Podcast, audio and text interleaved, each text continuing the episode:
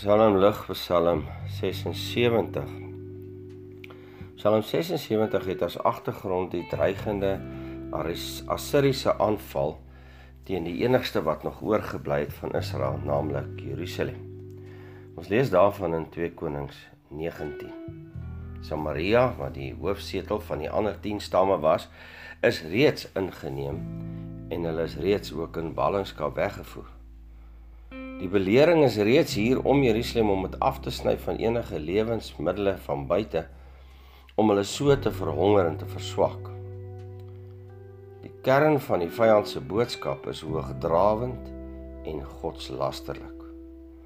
Grond van die feit dat geen god tot dusver hulle self uit Assiriese hand kon red nie, word ook God se as magteloos beskou om Jerusalem uit Sanherib se hand te red. In waarheid beweer Sanherib dat die Here juis aan hom opdrag gegee het om Juda in te neem. As die boodskappers van die koning met hierdie boodskap van benoudheid en lastering kom, dan neem hy dit nie. Jeskia neem dit dan nie na die raadsaal om daar met sy raadgewers te beraadslag nie. Hy skeur sy klere en hy gord 'n roukleed om en gaan na die tempel waar die verbondsark van die Here van die leerskare is. Van daar stuur hy sonder titel 'n boodskap na Jesaja. So sê Hizkia. Hierdie bewering en bedreiging veroorsaak so 'n groot benoudheid en beklemming dat Hizkia dit as volg beskryf in Jesaja. Vandag sê hy is 'n dag van benoudheid en straf en lastering want die kinders het gekom tot by die geboorte maar daar is geen krag om te baar nie. Ja, dit is 'n benoud noude oomblikke wat 'n mens verlam. Jy is werklik magteloos en die enigste pleitgrond wat Hiskia vind is vers 4. Miskien sal die Here u God al die woorde hoor waarmee die lewende God gesmaat is. So vra Hiskia voorbidding terwyl hy homself nie waardig ag om as voorbidder op te tree nie. Die Here verydel die plan van Sanherib en hy laat hom 'n boodskap kry om tydelik af te sien van die inval.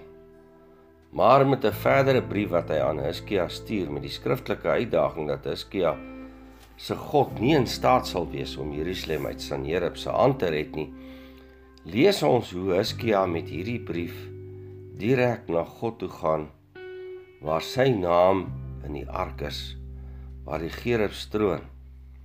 En van daar draai dit op aan God wat troon in die hemel.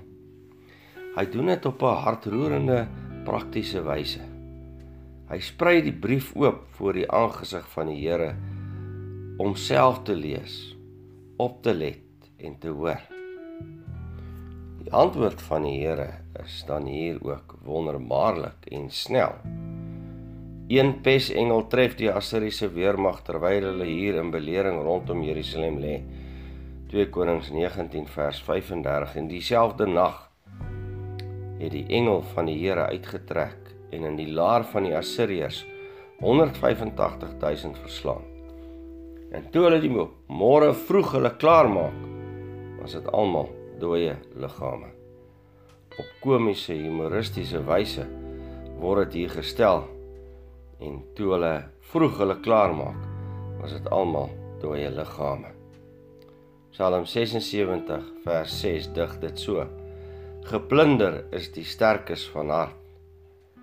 Hulle het hul slaap gesluimer en geen een van die dapper manne het hul hande gevind nie. Deur u dreiging o God van Jakob het strydwa en perd bedwelmd geraak. U vreeslik is u. Wie kan voor u aangesig bestaan as u toren uitgebreek het? Bereim staan dit in so in Psalm 76 vers 3. Die held is daar beroof, verswak. Hy het met eens in slaap gesak. Die sterk en dapper mensekind het daar sy hande nie kon vind.